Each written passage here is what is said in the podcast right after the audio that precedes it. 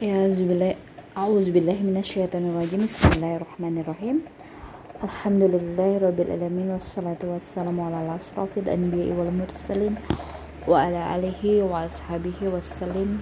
Assalamualaikum ya Rasulullah Assalamualaikum ya Habibullah. Alhamdulillah sahabat villa ya. Kita akan membahas lagi yang tadi yang lanjutan sebelumnya diberitahukan ya kepada Nabi Adam dan Sayyidah Hawa agar untuk tidak melanggar apa yang Allah larang ya karena di sini tidak akan membuatmu telanjang dan kau tidak akan kelaparan kalau mematuhi apa yang Allah ya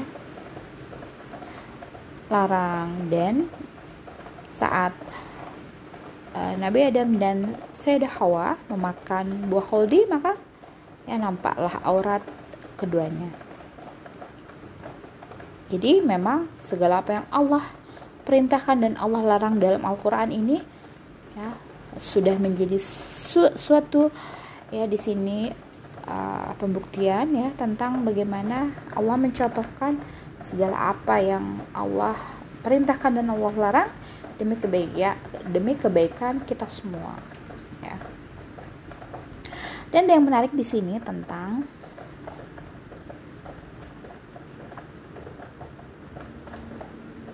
ya.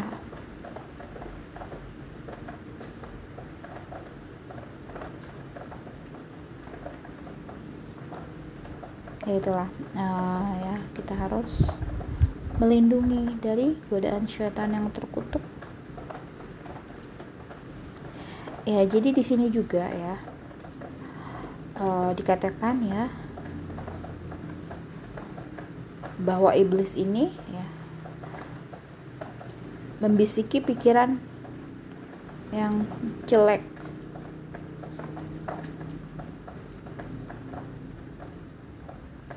Ya jadi waktu itu ya pernah iblis itu meminta kepada Allah untuk ya untuk bisa uh, masuk ya ibaratnya uh, membisiki hati tapi nggak bisa. Allah tidak izinkan itu ya.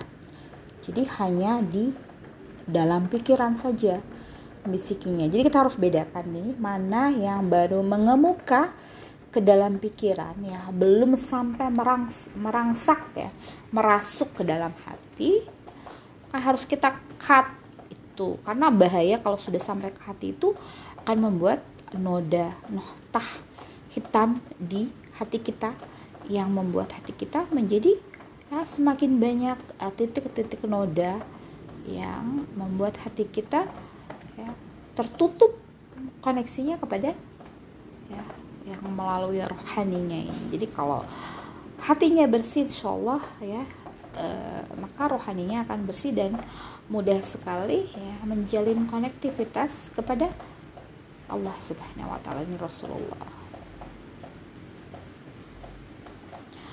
Ya, jadi uh, aku pernah mengadakan testimoni ya.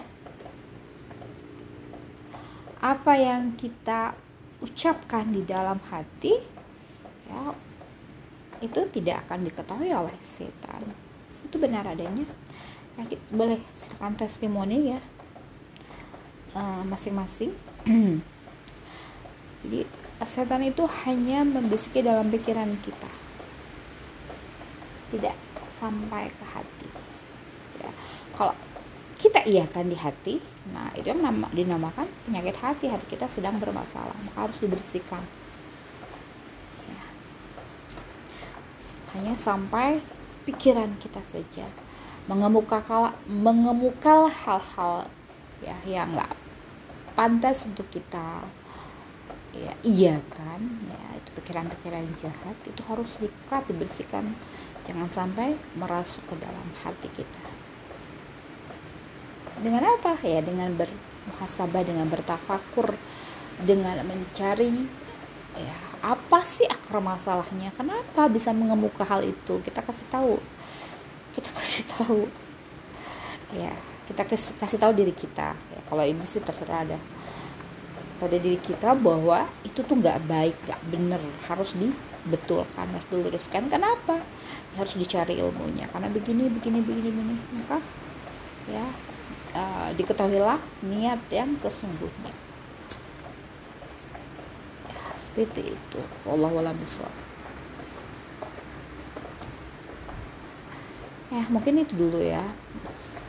Lanjutannya nanti kita akan cari lagi apa yang kita akan bahas di malam ini. Alhamdulillah subhanarabbika rabbil zati amma yasifun wabillahi taufiq wal hidayah. Assalamualaikum warahmatullahi wabarakatuh